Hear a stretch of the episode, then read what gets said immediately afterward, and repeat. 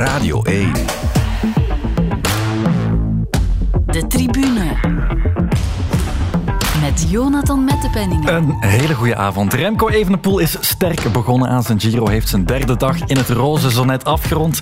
De eerste grote ronde bij de vrouwen, dat was de rode, de Vuelta. En het rood was niet voor renster van het seizoen tot nu toe Demi Vollering, maar wel voor oude, vertrouwde Annemiek van Vleuten. En dan is er uiteraard ook weer voetbal. En wat is het spannend bovenaan, waar de primaire kleuren elkaar geen ruimte laten. Antwerp, Genk en Union op 42, 41 en nog eens 41 punten.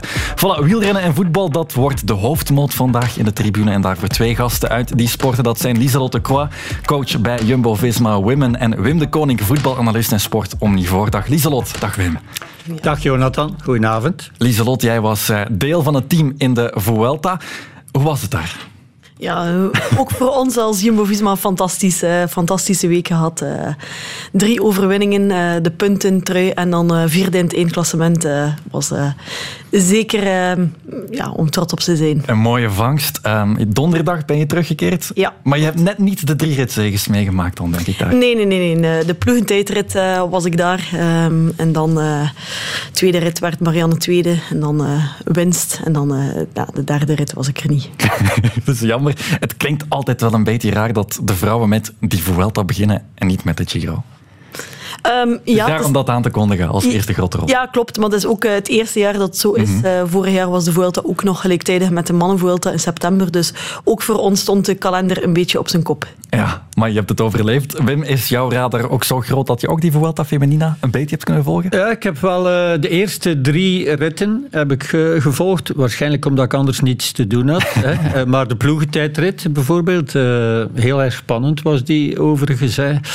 Uh, maar ja, Jumbo-Visma is daar redelijk in uh, gespecialiseerd. Hè. Dus ergens uh, hadden we ook wel verwacht dat de dames, alhoewel het een verrassing was, gingen meedoen. Mm -hmm. En dan, ja, de, ja, Marianne Vos heb ik ook twee keer bezig gezien. Eén keer dat ze tweede werd, daar was Charlotte Kool zeker die toen won. Ja.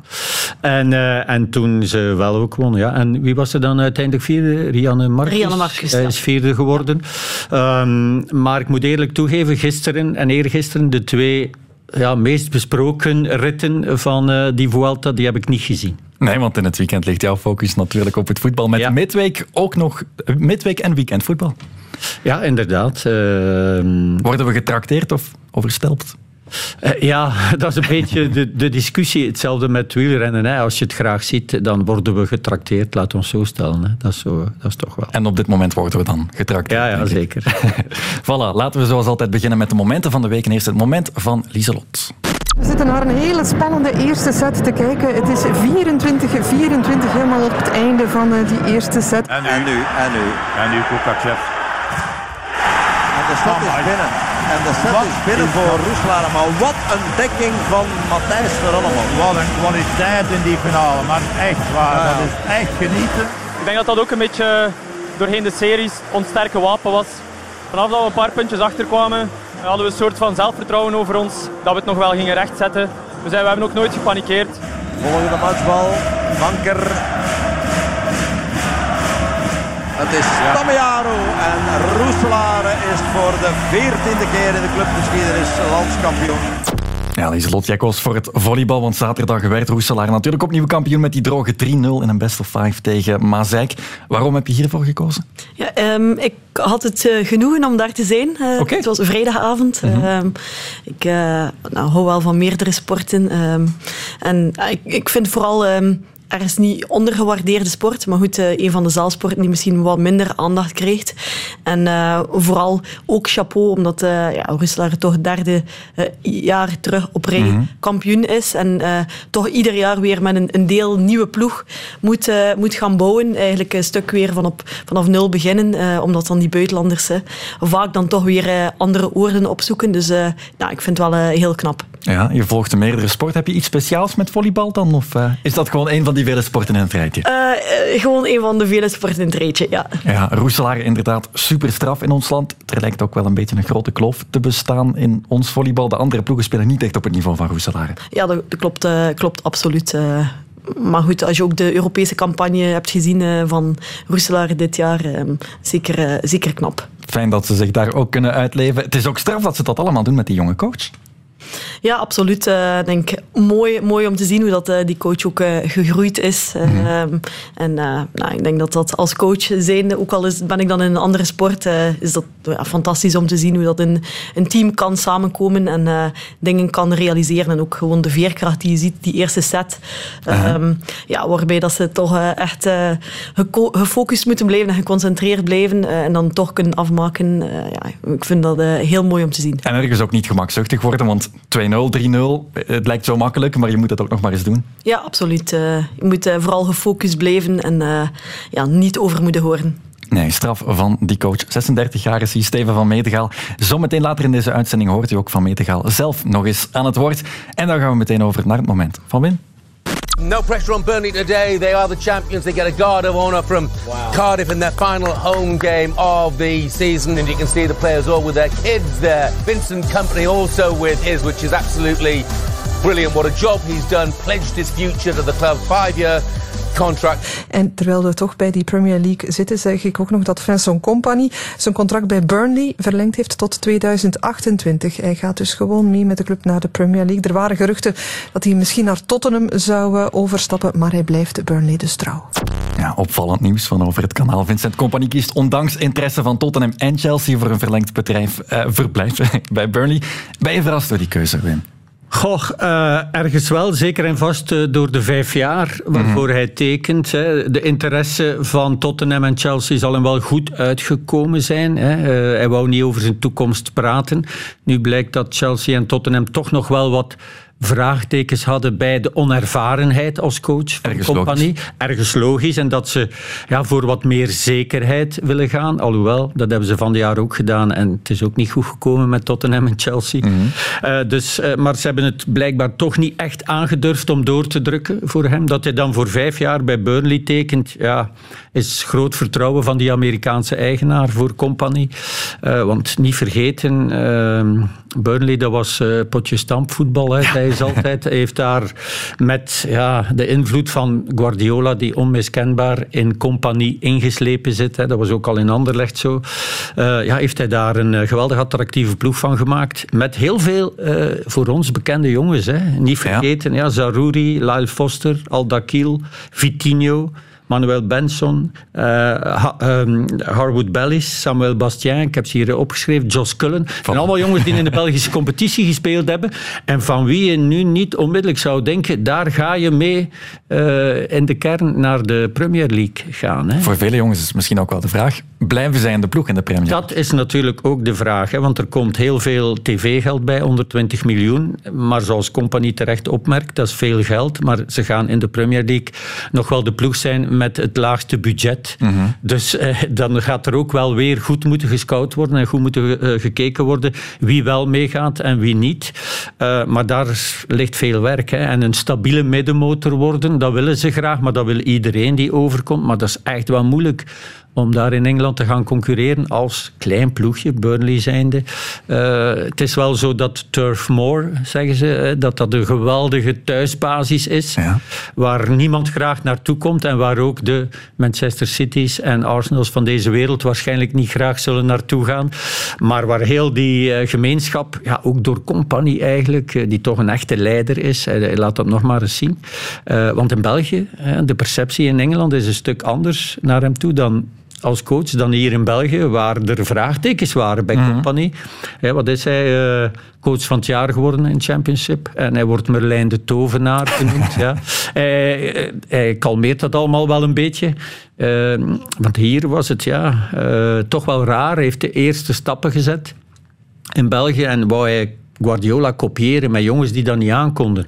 Waarbij je dacht van, mm, maar bleef koppen vasthouden aan mm-hmm. zijn stramien. Uiteindelijk met Anderlecht achteraf bekeken, goede resultaten behaald. Als je het vergelijkt met dit seizoen. Hè. Want ja, elfde zijn ze geworden. Met compagnie uh, was het wel uh, in Anderlecht nog finale, beker, uh, af en toe is 1. Um, maar het was ook niet voldoende. Het was vooral moeilijk om mee samen te werken, blijkbaar. Hij wou nogal over heel veel zaken zijn zeg hebben, omdat hij ook een uitgesproken mening heeft en een uitgesproken persoonlijkheid is. Mm-hmm. Maar blijkbaar werkt dat wel uitstekend in Burnley. En verdienden al tussen de 2 en de 3 miljoen, las ik, per jaar. Dus daar gaat er een ferme smak bijgekomen zijn, maal vijf. Maal Niet vijf, dat hij dat echt nodig had. Maar eh, hij zegt, er is maar één eh, ja, credo en dat is hard werken. Hij is eerste op de club en hij gaat laatste weg en hij moeit zich met alles en hij werkt keihard. En ja, het gezin moet daarin mee, de familie moet daarin mee. Mhm. Ja. En dat is het enige. Hij zegt, ik, eh, ik ben geen tovenaar, ik moet ook alleen maar keihard werken en dan hopen dat het goed komt. En het komt goed met want je voelt aan alles dat hij door dit te doen in Engeland nu alles in zich heeft om na een topvoetballer ook een topcoach te worden. Hè. Dat is waar. En voor vijf jaar tekenen nog eens, dat is ook kiezen voor zekerheid. Al weet je dat, in, dat het in de Premier League ook snel kan gaan. Denk maar aan Graham Potter van Ja, Chelsea. Die tuurlijk. kreeg ook een contract voor vijf jaar, mocht wel direct vertrekken. Voilà, en de stap naar de. Premier League die mag je niet onderschatten. Nee, zeker niet. En vandaar dat het toch wel wat verrassend is, die termijn. Hè. Ehm, heeft hij dan voor zekerheid gekozen of is hij ervan overtuigd dat hij dan toch stelselmatig kan groeien? Want stel je voor dat ze vorig jaar of volgend seizoen degraderen. Ja, dan is dat natuurlijk weer een ander verhaal. Hè. Ik denk niet dat hij dan nog veel zin zal hebben om opnieuw met Burnley in die championship te spelen. Als hij een jaartje...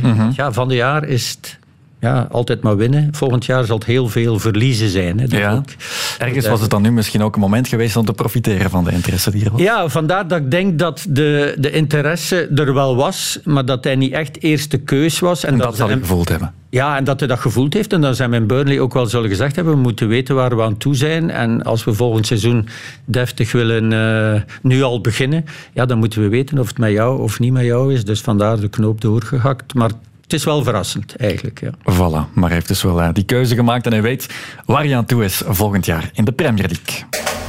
De tribune. Radio 1. En dan maken we ons op voor de eerste grote ronde van het jaar in het vrouwenwielrennen.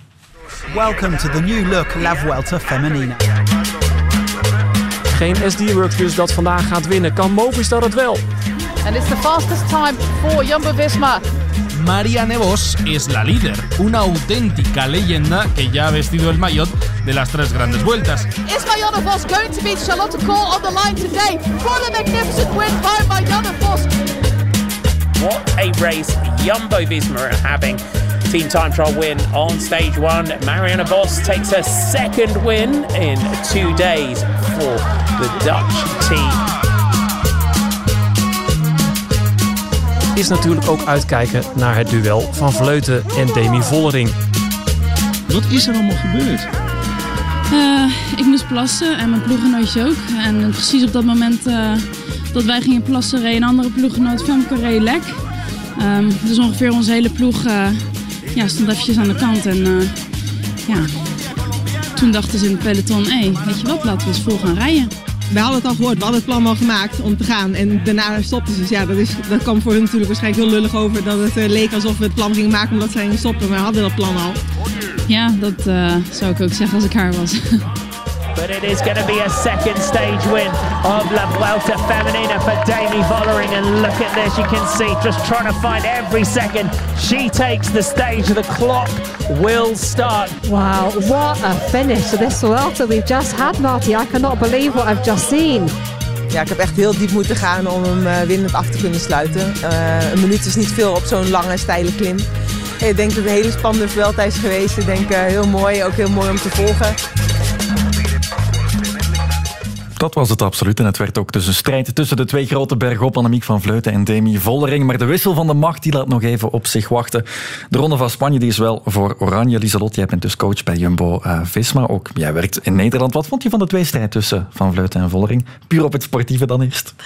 Ik denk eh, dat we een hele mooie Vuelta, heel spannende Vuelta hebben gezien. Ehm, die laatste twee etappes waren eh, eh, bloedstollend. Ehm, dus ja, ik denk om heel eerlijk te zijn dat eh, Demi Vollering wel eh, de betere bergop was. Ehm, maar goed, een, een algemeen klassement wordt natuurlijk eh, niet enkel bergop beslist en wordt eh, over, over hier zeven dagen lang eh, beslist. Ehm, Realini was ook een heel, heel goede klimmer.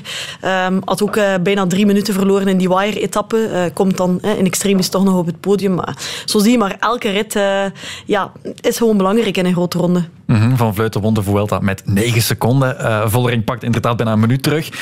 Op haar in de slotrit ook een bergrit. Dacht je op dat moment dat het voldoende zou zijn voor Vollering om die eindwinst te pakken? Ehm, nou, Ik vond eerlijk gezegd de tactiek van uh, Demi Vollering wel een beetje verrassend. Uh, in de zin van, ze, ze heeft gewoon geprobeerd van uh, Annemiek te wurgen, terwijl dat eigenlijk hetgene is wat Annemiek zelf het beste kan. -huh. terwijl nou, een van haar... Um, goede kanten uh, van, van Demi Vollering is dat ze explosief is. Dus nou, ik had, als ik uh, ploegleidster geweest, was geweest van uh, SD-Works, had ik misschien net iets anders aangepakt. Um, in die laatste rit dan? Ja, in die, in die laatste ja. rit, waarbij dat, ja, eigenlijk Demi gewoon snoeihard op kop haar eigen tempo op, opdringt. Um, en ja, Annemiek enkel maar moet, moet volgen. Maar goed, eigenlijk kun je, had, had ze wat mij betreft beter een aantal gewoon stevige prikken kunnen uitdelen en echt tempoveranderingen en versnellingen uh, kunnen, kunnen toepassen. En uh, op het moment dat Annemiek dan op een haatje zat, ja, dan, dan, dan had ze ook uh, het zelf moeten, moeten dichtreden. Dus ik had wel zoiets van, ja, toen als ze op drie of vier kilometer van de finish nog altijd samen waren, dacht ik van, hm, ik denk dat toch in Annemiek haar voordeel zal uitdraaien. Ja. En heb je ondertussen ook al contact gehad met je rensters in verband met die wire-etappe waar zoveel om te doen is. Hoe kijken zij daar naartoe? Want zij zaten dan toch in het peloton op dat ja, moment. Ja, ja abs absoluut. Kijk, um, er zijn natuurlijk altijd twee kanten van een verhaal, maar... Um, Kijk, er zijn een aantal etappes geweest waarbij dat er gewoon echt crosswind was, dus de zeewind was, waarbij dat je gewoon weet als renster en als ploegleider voor de etappe van daar en daar en daar kan het wel eens zijn dat op de kant wordt getrokken. Um, in die betreffende etappe was dat ook het geval. Um, dus als Movistar zegt, en net als een aantal andere ploegen, van daar um, is er een opportuniteit om gewoon uh, de koers op zijn kop te zetten, dan nemen ze die. En dan is het eigenlijk, wat mij betreft, dat is mijn opinie is natuurlijk gekleurd, maar is het gewoon dom om dan te gaan plassen net mm. voor het moment dat je weet dat er een zeewind is. Want dat zal in de wagen toch ook geweten geweest zijn van SD Works? Dat ja. uh, zou wel uh, de bedoeling moeten zijn. Ja, ja. Voilà, want ik las dat uh, het Jurgen Roelands was die vooruit reed voor Movistar en dat mm. hij gezegd dat daar is het te doen en dat ze het daarom daar gedaan hebben.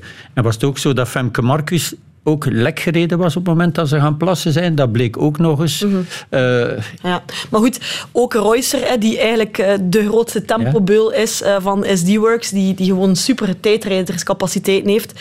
Daar hebben ze eigenlijk misschien ook een verkeerde tactische inschatting gemaakt. En gewoon, Reusser zat nog in dat peloton waarin, in die eerste wire. Dus Reusser had ook gewoon op dat moment kunnen wachten um, hè, om, om Vollering terug te brengen ja. voor überhaupt dat de eerste klim startte. Maar goed, ja, in de ploeg leidersauto neem je natuurlijk ook beslissingen op basis van de informatie die je op dat moment hebt.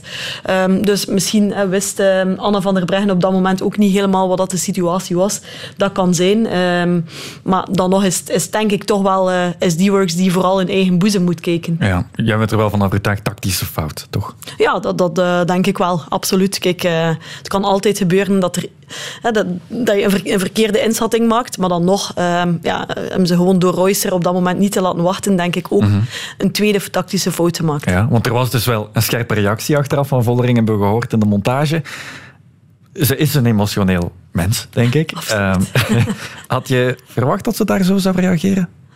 Goh, um, Enerzijds wel, hè, omdat ze net zo emotioneel is. Anderzijds, als je vorig jaar de laatste etappe hebt gezien van de Tour de France uh, FAM, mm -hmm. um, waar Annemiek van Vleuten, die toen in de leiderstrui reed, uh, denk ik uh, tien lekke banden of zo had, of echt continu uh, mechanische pech ja. had, is er één ploeg die volle bak is beginnen rijden en dat, dat was de D-Works. Ja. Dus, um, Misschien ja. is ze zich ervan bewust dat het wel payback zou kunnen zijn, of wil ze dat haarzelf ja. voornemen dat het dat is? Ja, inderdaad. Ik denk dat dat op, op dat moment gewoon een emotionele reactie ook was van Demi Vollering. Um, terwijl, ik denk nooit... Kijk, elke ploeg wil gewoon, en zeker Movistar wilde gewoon die etappe winnen en, de, en, de, en, mm -hmm. en het eindklassement winnen. En ja, dan kun je gewoon, als er crosswind is, moet je daar gewoon van gebruik maken. Punt. Voilà. En de eindwinnaar is heette zo dus wel Annemiek van Vleuten, die hier op tempo ook voorlopig nog niet afrijdt. Het is mooi voor haar in haar afscheidsjaar. Ja, absoluut. Ze heeft toch heel veel kritiek gekregen uh, dit voorjaar. Dat ze niet meer goed genoeg zou zijn. En dat, uh, dat ze niet... Um, ja, niet meer kon winnen in het voorjaar. Ehm, maar goed, ze staat er wel op het einde van, de, van de week in, in die rode trui. Dus uh, het respect voor uh, Annemiek van Vleuten is nog altijd, ook in het peloton, denk ik, gigantisch groot. Maar dus uit, uitkijken naar de Tour dan, hè? Want daar zal ja. Uh, ja de revanche zeker en vast komen. Of zal Van Vleuten tegen dan beter zijn? Want je voelt toch wel dat Vollering haar boven de kop groeit. Hè, stilletjes aan, wat niet onlogisch is natuurlijk. Want ja, het is wel zo dat ze niet won van de jaren nog, hè, van Vleuten. Ja, hè. ja als je dan Luik, Bastenaken, Luik en, en wat was het, Amstel Gold Race en zo zag. Ja, dan, uh, wat is het verschil? Is zij dan iets minder dan uh, andere jaren? Of zijn die anderen altijd maar beter aan het worden? Ja, ik, ik denk dat zij misschien net iets minder is, dus nog niet echt haar uh, hoogtepunt heeft bereikt. Maar als je de waarden ziet die Vollering reed en ook een aantal andere, ja, die hebben echt wel gewoon ook terug een stap gezet uh, bergop. Dus uh, ja, de, toppers worden beter, de subtop wordt ook breder. Dus uh, ik denk dat ja, voor de komende jaren alleen maar mooi is. En ja, absoluut, denk ik in de Tour ja, dat, we, dat we opnieuw een heel spannende strijd zien. Ja. Ja. Van Vleuten zal er nog eens alles willen uitpersen, uiteraard. Want ze rijdt ook de Giro nog, dacht ik. Volgens mij doet ze allebei de grote rondes of de resterende grote rondes. Um, jullie eerste renner in het klassement was Rianne Marcus op 3.36 van, van Vleuten op de vierde plek. Uh, tevreden met die prestatie? Ja, absoluut. Um, we hebben um, het derde jaar nu dat team Jumbo-Visma bij de vrouwen uh, bestaat. En we hebben uiteraard al mooie overwinningen gehad. Uh, maar in een algemeen klassement hebben we eigenlijk nog nooit echt een, een heel goede prestatie mm -hmm. gehad. En daar willen we dit jaar toch beetje bij beetje aan, aan beginnen bouwen voor de toekomst. dus de Vuelta was voor ons wel een doel om te proberen naast etappenwinst te hebben eh, met, uh, met Marianne Vos. Om, om toch ook in die algemene klassering Um, mee te doen. Uh, oorspronkelijk hadden we een top 10 plek geambieerd. Voilà. Uh, we hebben wel na, na de sterke prestatie van Luik Basnaak en Luik Basnaak Luik van Rianne gezegd van ja, we mogen misschien toch net iets ambitieuzer zijn en proberen mm -hmm. gaan voor een top 5. Uh, ze stond op, op, ja, op een virtuele podiumplek tot de laatste dag. Um, Realini is er nog in extremis overgekomen door een heel sterke klim, uiteraard uh, op die slotklim. Maar ik denk dat we met de vierde plaats super trots kunnen zijn op ook het hele team. Voilà, de vierde plaats bijgeteld bij wat voor de rest ook een hele sterke Vuelta was voor jullie.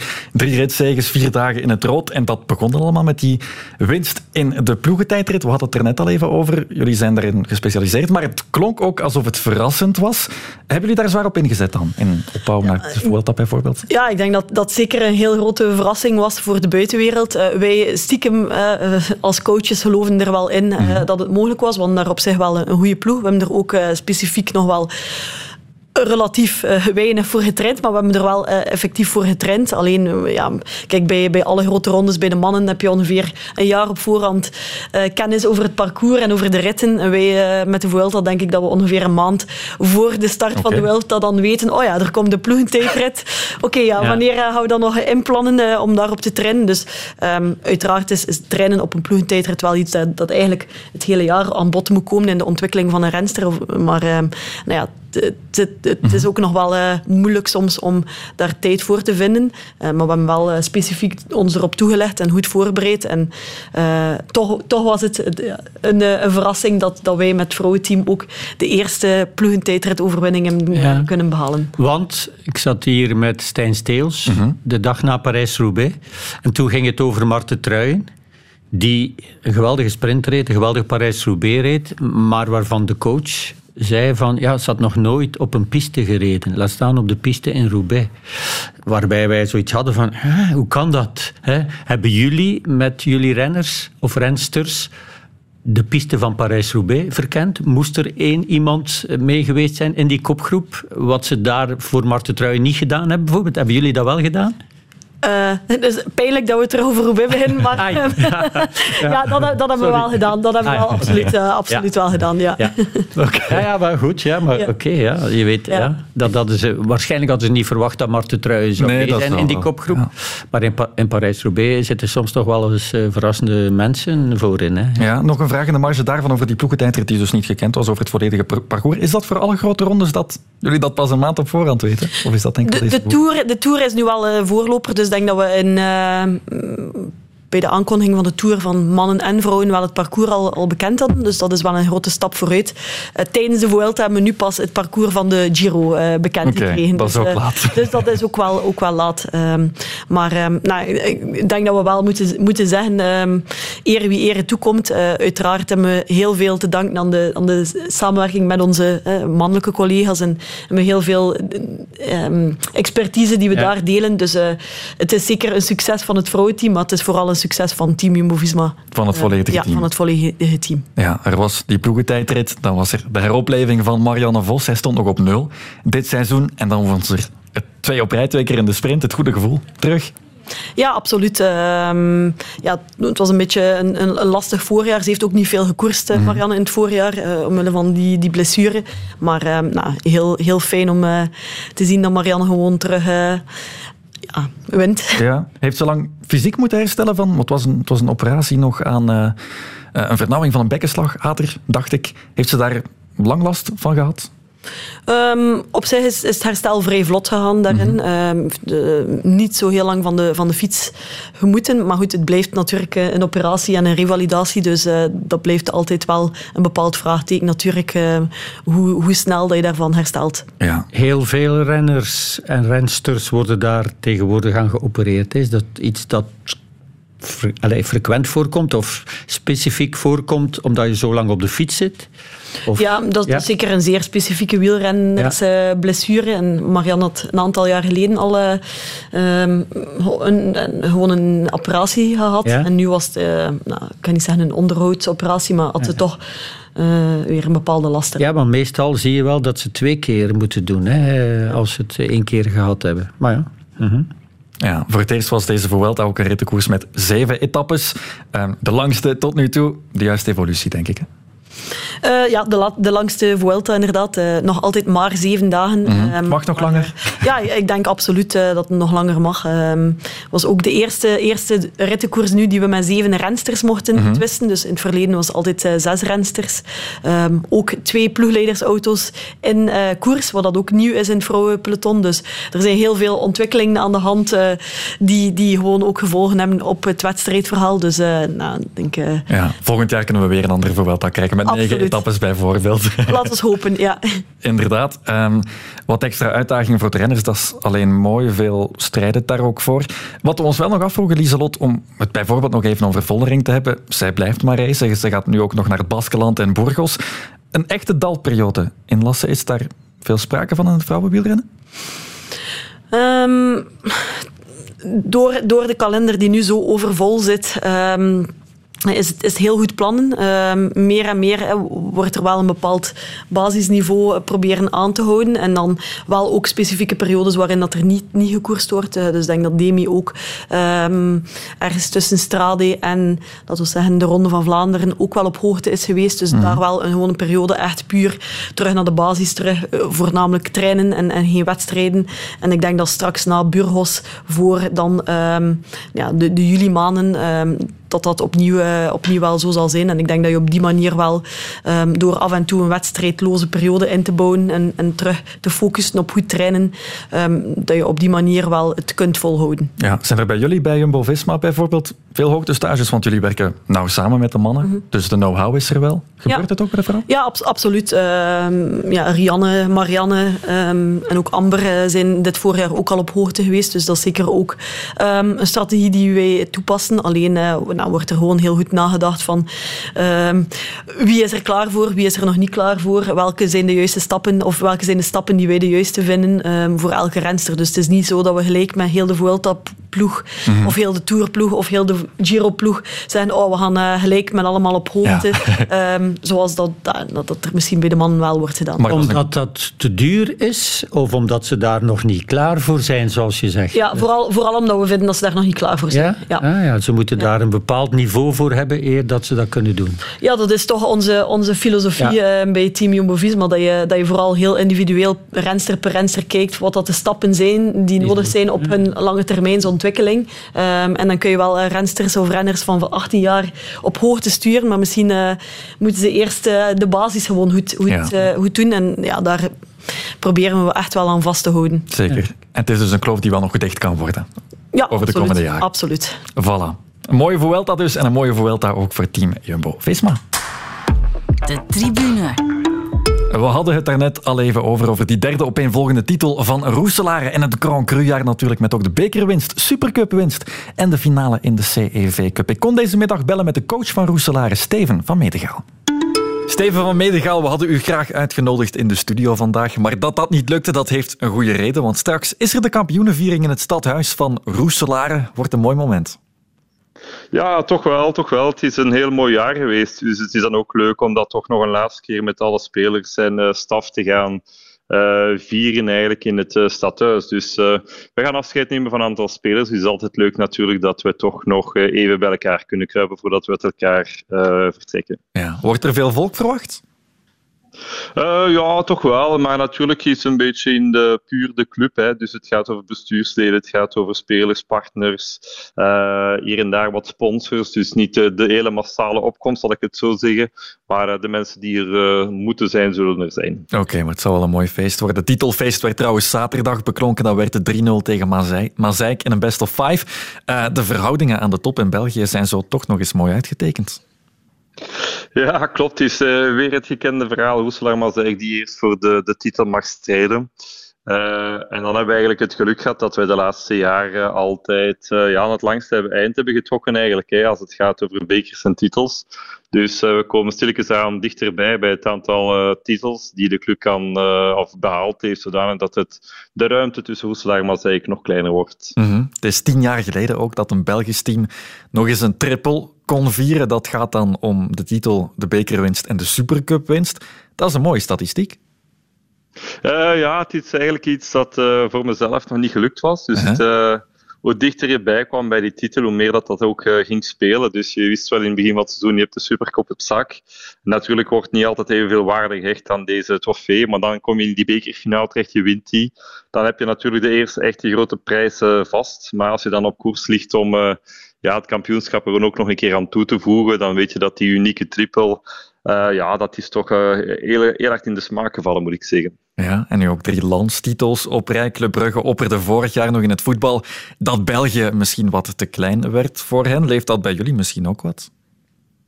Uh, bah, het, is, het is een mix. Hè. Dus je hebt uiteraard een, de, de competitie die hier en daar uh, zal kunnen sterker mogen worden, denk ik. Hè. Dat, daardoor zullen we betere transfers kunnen realiseren.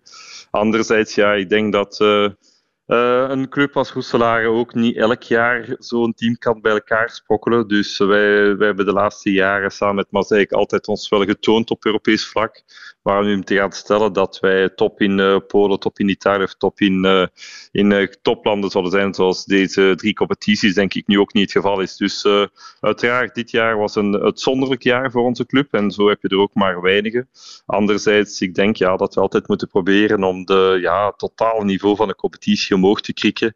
Uh, en daarin slagen we de laatste jaren sinds uh, COVID eigenlijk uh, helemaal niet in. Ja, toch maar bescheiden blijven, hoor ik dan. Dit was je vijfde jaar als hoofdcoach van Roeselaar. Je bent zelf nog maar 36. maar je coacht wel al vanaf je veertiende, hoorde ik. Vertel eens. Ah, ja, klopt. Dus ja, op 14-jarige leeftijd ben ik eigenlijk bij de jeugdclub VBT Machelen uh, in contact gekomen met de eerste keer kleine kindjes eigenlijk op dat moment te trainen. waren toen zes, zevenjarigen. en toen heb ik die smaak gepakt om ja, spelertjes op dat moment te begeleiden. Uiteraard later is het dan omgetoverd naar uh, topsportschool, waar dat ik dan ook uh, jeugdselecties heb kunnen trainen. Mm -hmm. En dat is dan eigenlijk uh, verder uitgebouwd naar nu tien jaar in Roeselaar, waarvan vijf jaar assistent bij Emile Rousseau en nu vijf jaar eigenlijk ja, de, de, de functie als hoofdcoach eigenlijk. Dus ja, het is een leuke, ja, zal ik zeggen, evolutie die ik heb kunnen doorbrengen in het volleybal. En dat is wel ja, om elke dag eigenlijk uh, met zo, in een sport actief te zijn. Uh, de sport die je eigenlijk zelf uh, op jonge leeftijd heel graag hebt uitgeoefend of beoefend. Ja, dat is, dat is geweldig. Voilà, je maakt je droom waar. Het klinkt als een, een mooi verhaal ook. Op de website van Knak Roeselaar word je in je korte biografie een volleybalwetenschapper genoemd. Je bent ook veel bezig met cijfers, hè? Ja, klopt. Dus uh, ik denk dat elke coach wel zijn uh, unieke benadering heeft van het spel. En bij mij is dat eigenlijk heel sterk gebonden aan data. Dus uh, uiteraard, je moet wel de juiste conclusies en analyses gaan maken ten opzichte van die data. Maar ik start altijd eigenlijk vanuit cijfers, omdat me dat nog altijd de meeste garantie geeft dat eigenlijk mijn ja, persoonlijke intuïtie, persoonlijk gevoel, dat dat altijd het correcte gevoel is. Dus uiteraard, je voelt of je ziet wel iets in een wedstrijd of bij de, de, de kwaliteit van je ploeg of de spelniveau van je ploeg. Maar als dat dan wordt uitgedrukt in cijfers, ben je nog zekerder en kan je echt gaan werken aan de zwakheden of aan de sterktes. Hè, want het is ook de kunst om je sterktes heel goed te houden en dan de zwaktes proberen weg te werken. Dus ja, ik ben een man die veel belang hecht aan cijfers, data. En dat is nu al uh, meer dan tien jaar zo en dat helpt me wel sterk vooruit. Mm -hmm. Hoe lang ben je bezig met je sport op weekbasis? Wow, dat gaat tussen 65 en 90 uur per week. Dus okay. uh, ik denk de, uh, ja, dus de, de, weken dat wij maar één wedstrijd spelen, dan gaat dat een beetje lager zijn, is 65 uur. Maar ja, dan heb je de weken waar dat je Champions League moet voorbereiden, dan ja, gaat dat makkelijk naar 90. Maar gelukkig ja, zijn dat ook maar beperkt aantal weken op jaarbasis, zal ik het zo stellen. Maar ja, het is een, het is een, het is een uit de hand gelopen hobby, zeg ik af en toe. Daar heb ik mijn job van kunnen maken. En ook daar verlies ik af en toe de tijd met het aantal uren. Maar ik reken het helemaal niet uit. Het is pas onlangs dat iemand me vroeg dat ik echt ben beginnen tellen. en uh, het, het, blijft, blijft leuk. En uh, weet je, ik zal het anders stellen. Moesten ze mij vertellen dat ik nog vijf uur harder moet werken om elk jaar de triple te, te, te winnen, zal ik het uh, altijd de vijf uur extra ervoor werken. voilà, dat is mooi gesteld. Is die 65 tot 90 uur, is dat dat puur wat je in je eigen club steekt of gebruik je dat ook om internationale wedstrijden te bekijken? Uh, nee, dus het is zo dat je, je moet het uh, heel compleet trekken. Dus het is zo dat je uiteraard al je trainingen afwerkt. Je hebt je voorbereiding van je training, je hebt alle scoutingswerk die je doet voor een wedstrijd voor te bereiden.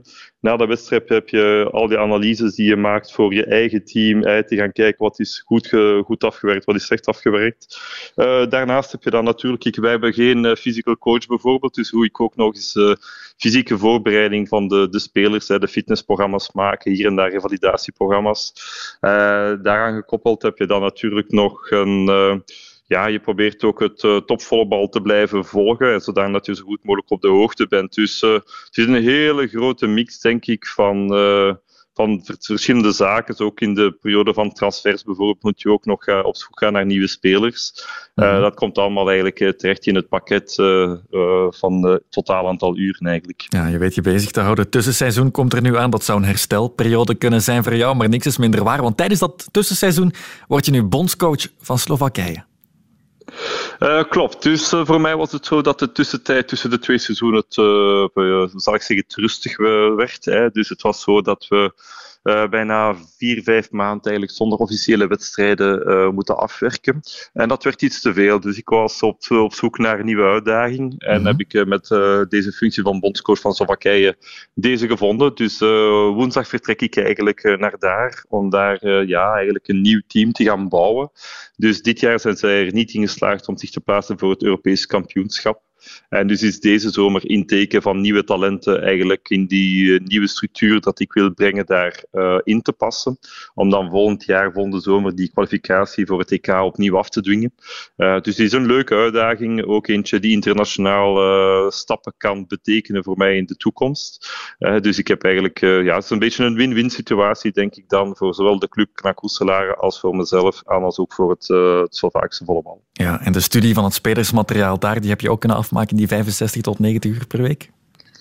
Uh, dus in de tussenperiode van kerst en nieuwjaar, wanneer we eigenlijk een paar dagen vrij hebben genomen met uh, heb ik daar eigenlijk heel intensief uh, drie, vier dagen alle wedstrijden bekeken van alle spelers. Zowel in de Slovaakse competitie, maar ook, ik heb ook heel veel spelers eigenlijk die in buitenlandse competities zitten. Mm -hmm. Dus heb ik eigenlijk daar mijn rustperiode in Roeselaar gebruikt om ja, de, de spelers van Slowakije te gaan selecteren.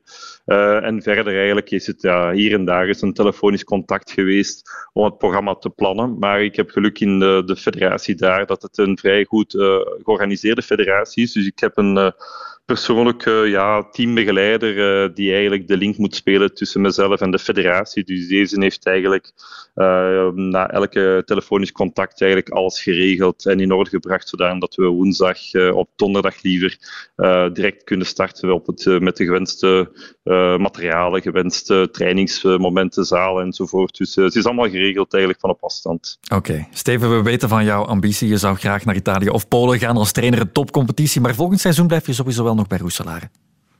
Ja, klopt. Uh, ik heb een overeenkomst met de club nog voor volgend seizoen. Dus uh, dat zou eigenlijk uh, doodjammer zijn om dat zomaar te verbreken. Het is nog altijd de club die mij op 32-jarige leeftijd het vertrouwen heeft gegeven om in deze topclub eigenlijk actief te kunnen zijn op zo'n jonge leeftijd. Dus mm -hmm. dat moet ik eerst en vooral respecteren en wil ik daarom ook mijn contract zeker en vast niet uh, verbreken.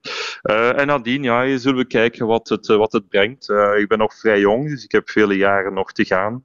en uiteraard ja, hoop ik in een sterke competitie eenmaal mijn stap te kunnen doen, mijn intrede te kunnen doen. En dat zal hopelijk Italië, Polen kunnen worden in de toekomst. Oké, veel succes met alles wat er nog aankomt. Proficiat nog eens met dat Grand Cru-jaar. En dankjewel om even naar de lijn te komen. Steven van Medigaal. Ja, met plezier, dankjewel. Radio 1. De tribune. En dan kunnen we naar het voetbal, dat kunnen we. Elke week natuurlijk in die spannende play-offs. Maar de tweede speeldag was een goeie om extra aandacht aan te besteden. Het is natuurlijk toch eh, anders dan vorig jaar toen dit de twee grote titelkandidaten waren en alles beslist werd in die dubbele confrontatie tussen Club Brugge en Union halverwege de play-offs. Boniface maakt zich vrij, knalt, hij scoort! Daar is nog even een Boniface moment. En ineens staat Union op voorsprong 0 tegen 1. Lazar, kijk eens naar de ruimte links. Lazar trapt zelf, bal legt af en Union op 0-2. Union op 0-2. De gouden schoen net in ontvangst genomen en nu wordt hij verrast door een kleine curve misschien wel. Geraerts wil stil aan het einde van de wedstrijd. En daar is het al, het einde van de wedstrijd. Gebolde vuisten bij Geraerts. En Club Brugge, de aansluitingstreffer, te laat gekomen. Heel weinig gebeurt dit. Dat wij als eerste mogen spelen, dan, dan win je ook. Dus dat is een ideaal scenario. Na de Bosuil, daar begint over enkele minuten de clash om de koppositie in onze hoogste voetbalklasse tussen Antwerpen en Racing Genk. Tresor, daar is zijn bal in het strafschopgebied gekopt en erin. Ja, nee, ja, toch erin. Vincent Janssen na 29 minuten voor de gelijkmaker tegen Maarten van der Voort. Janssen en gered door Van der Voort. Slap ingeschoten door Vincent Janssen. Ik heb erover nagedacht deze en uiteindelijk kies ik de verkeerde. Complimenten naar de keeper. Het is een nieuwe penalty voor uh, Antwerpen. Daar is Alderweireld. Deze keer wel erin. De gelijkmaker is er van Toby Alderweireld. Oh, balverlies. En de goal, ja, daar is ze. Het balverlies afgestraft van Sadik. En Balikwisha trapt de 2-1 binnen. En rode kaart zelfs nu voor Tresor. Ook dat er nog bij voor Racing Genk. Slot vol tumult. Aziz ook rood. Is dat het dan geweest? En de 2-1 die gaat blijven staan. Antwerp gaat luid opdromen van de dubbel. Na deze prestatie. Dat zullen ze zeker, want haalde al dan niet denkbeeldige ranking er even bij. Antwerp staat op kop en dus niet langer Genk. Wim voor het eerst sinds oktober. Dat is heel lang. Ja, nadat, uh, wat was het, met 27 op 27 de competitie begonnen en iedereen dacht, wow, ze zijn vertrokken, is er een moment geweest dat ze veel minder punten haalden en dat Genk uiteindelijk uh, ja, outstanding was. Nu zijn de rollen weer omgekeerd sedert uh, dien, hè. ja, inderdaad. Maar het is heel erg spannend. dat zou het ook al geweest zijn zonder de halvering van de punten. want meestal krijgen we zeer spannende play-offs door de halvering van de punten. Maar het zou van de jaar ook al op een andere ja. manier geweest zijn. Indien ze play-offs uh, zouden gespeeld hebben. Maar ja, het is wel uh, leuk ja, uh, voor degenen die er niet zo nauw bij betrokken zijn. Want gisteren ja, was het... of in Brugge was het al een beetje kommer en kwel voor club zelf. Mm -hmm. maar, en hopelijk gaat club ja, dat niet meer meedoet, toch nog zijn rol vervullen. Exact, je denken, ja. ja. Want indien dat niet zou gebeuren, ja, want nu krijg je dus twee keer uh, Antwerp tegen Club Brugge en Club Brugge tegen Antwerp. -hmm. En ik denk als Antwerp daar 6 op 6 haalt, uh, dat uh, in die andere twee wedstrijden, Union Genk en Genk Union, ze elkaar punten gaan afpakken. Dus dat het dan wel eens minder spannend zou kunnen zijn dan wij hopen tot de laatste speeldag. Hè. Dus Club zal ja, toch wel uit een ander vaatje moeten tappen. Oké, Rick de Mil heeft het eh, lang nog verbloemd met dit club. Uiteindelijk nog vierde geëindigd. Mhm. Maar wat bleek nu? Die betere matchen tegen Westerlo en Eupen, dat krijgt geen echt vervolg. En je ziet ook wel, Westerlo, dat was zeer goed van club. Maar Westerlo is een beetje aan het wegzakken. Dat is duidelijk. Hè. Vorige week verloren, nu verloren. 3-5 zelfs tegen Cercle. Dus het was al niet meer het beste Westerlo waar ze tegen gespeeld hebben. En Eupen, ja, dat was... eh, ja, helemaal makkelijk. Ja. Uiteraard. Eh, maar dan zie je toch dat ze, vergeleken bij die drie ploegen, dat ze toch tekort komen. Voilà. En dat ze daar niet toevallig op die vierde plaats staan. En nu moet je als Club Brugge zijn de speler voor de eer. Er is geen incentive om het echt te gaan doen. Ehm, Genk was ook goed tegen Club Brugge toen nog. Ze gaan nu ten onder tegen Antwerpen. Dat ook op een wolk. Leeft na die gewonnen bekerfinale. Ehm, Genk was niet goed, denk ik. gisteren. Nee, ze waren niet goed. Het is ook niet. eh, Het was een. eh, ja, wat zei Van Bommel ook. En iedereen die was gaan kijken eh, en live in het stadion was. Iedereen vond het een, een wedstrijd op Champions League niveau. Maar dan was het alleen toch maar op basis van de intensiteit en de snelheid van uitvoering die er nodig was. Want voor de rest was het niet echt eh, ja, kansen creëren. Er zijn er niet veel geweest, hè, niet van beide kanten. Maar wat Antwerpen heel goed doet altijd, is eh, de tegenstander heel erg beperken in hun betere voetbal brengen. Dat doen ze al weken, maar dat was tegen Mechelen zo. Dat was tegen Union woensdag zo. Nu tegen Genk. Genk heeft, ook als ze minder punten haalden en niet altijd wedstrijden wonnen, of verplaatsing was dat moeilijk de laatste tijd, toch altijd wel een hoog niveau gehaald qua spelpeil. Maar gisteren was dat niet het geval. Dus tegen Antwerp voetballen, dag van vandaag, is heel erg moeilijk. En dan zijn ze ook altijd wel lucide genoeg om één of twee doelpunten te maken. En dat dan eh, ja, vast te houden. Gisteren kwamen ze voor het eerst achter in lange tijd. Hè, want ik denk eh, dat ze van de laatste tien wedstrijden zeven of acht clean sheets hadden behaald. Dus dan kwamen ze achter. Dat was toch wel een nieuw gegeven. Uiteindelijk hadden ze wel een penalty nodig om terug te komen. En de tweede helft, en dat was toch wel verrassend, waren ze fysiek zo sterk door die hoge druk te gaan zetten op Genk, die daar slecht mee omging en waar uiteindelijk Antwerpen ook de drie punten doorpakt hè, en die winning goal maakte met, eh, met Balikwisha. En Antwerpen heeft altijd gezegd in de loop van eh, het seizoen, ja nee, nee, wij zijn geen titelkandidaat en we staan ver achter. En dat was op een gegeven moment ook zo. En vooral, wij hebben veel blessures en een kleine kern. En dat Ja. was ook zo. Dus wij, gaan, wij gaan fysiek dan toch wel eh, het moeilijk hebben om dat te bolwerken.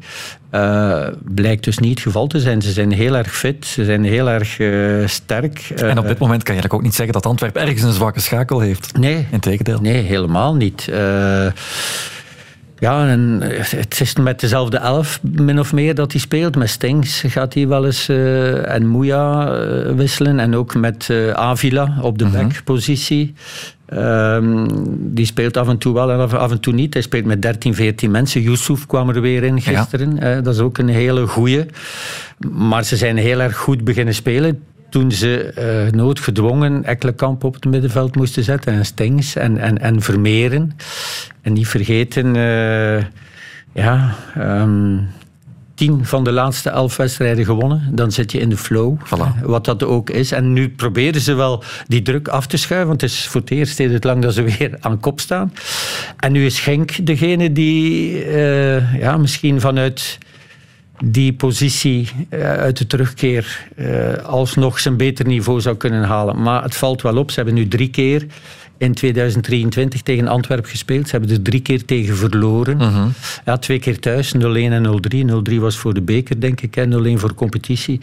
En in de, heenweds- of in de, de heenronde hadden ze nog wel 3-1 gewonnen eh, van Antwerpen. Of 1-3 in Antwerpen, maar wel met eh Onuwachu. En Voilà, het is het natuurlijk wel... Ja, ze horen het daar niet graag, maar het maakt wel een ongelooflijk verschil. Als je gisteren Vincent Janssen afweegt tegenover Samatta. Mhm. Oké, hij werd ook niet goed aangespeeld, want eh, ook Paintchill en eh Tresor zaten niet echt goed in de wedstrijd. Terwijl Paintchill natuurlijk wel iemand is die normaal gezien het verschil maakt. Maar en dat is toch wel heel belangrijk, ja, de uitzinnige publiek in Antwerpen speelt zo een grote rol.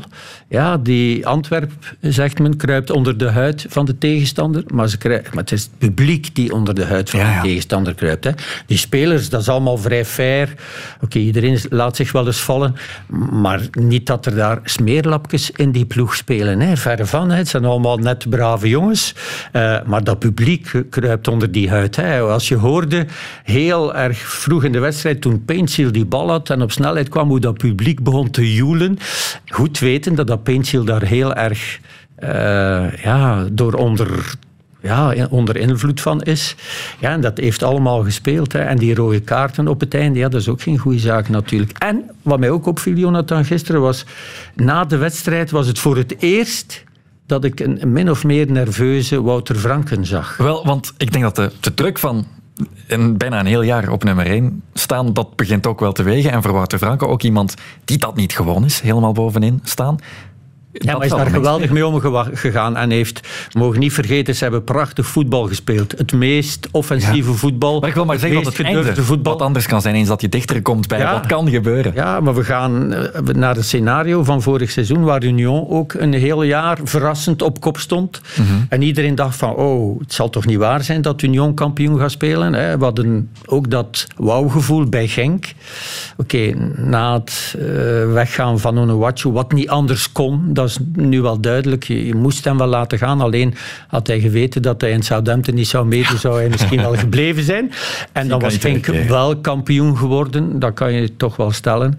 Uh, nu kan het nog altijd. Hè. Ze staan maar op één punt van Antwerpen. Voilà. Maar gezien die dubbele confrontatie nu tussen Union en Genk, uh, denk ik dat Antwerpen daar gaat van profiteren. Ja, is Antwerpen voor jou nu titelfavoriet nummer één? Dat wil Mark van Bommel helemaal niet gezegd nee. hebben, maar dat is een trucje natuurlijk. Ja, dat hebben ze niet graag. En, en hij blijft daar wel heel erg rustig onder. Hè. Ja. Uh, in zijn coaching staat daar met zijn zwart eh, jasje en, of zwarte pul en zwarte broek. Een beetje à la Guardiola. vestimentair, maar nog rustiger. Ja, minder Fanatiek, ehm, van, ja, of minder emotioneel. Mhm. Ook, hij heeft zoveel meegemaakt. En uh, ja, het is, er waren vraagtekens in het begin van het seizoen hè, toen hij kwam. Hè.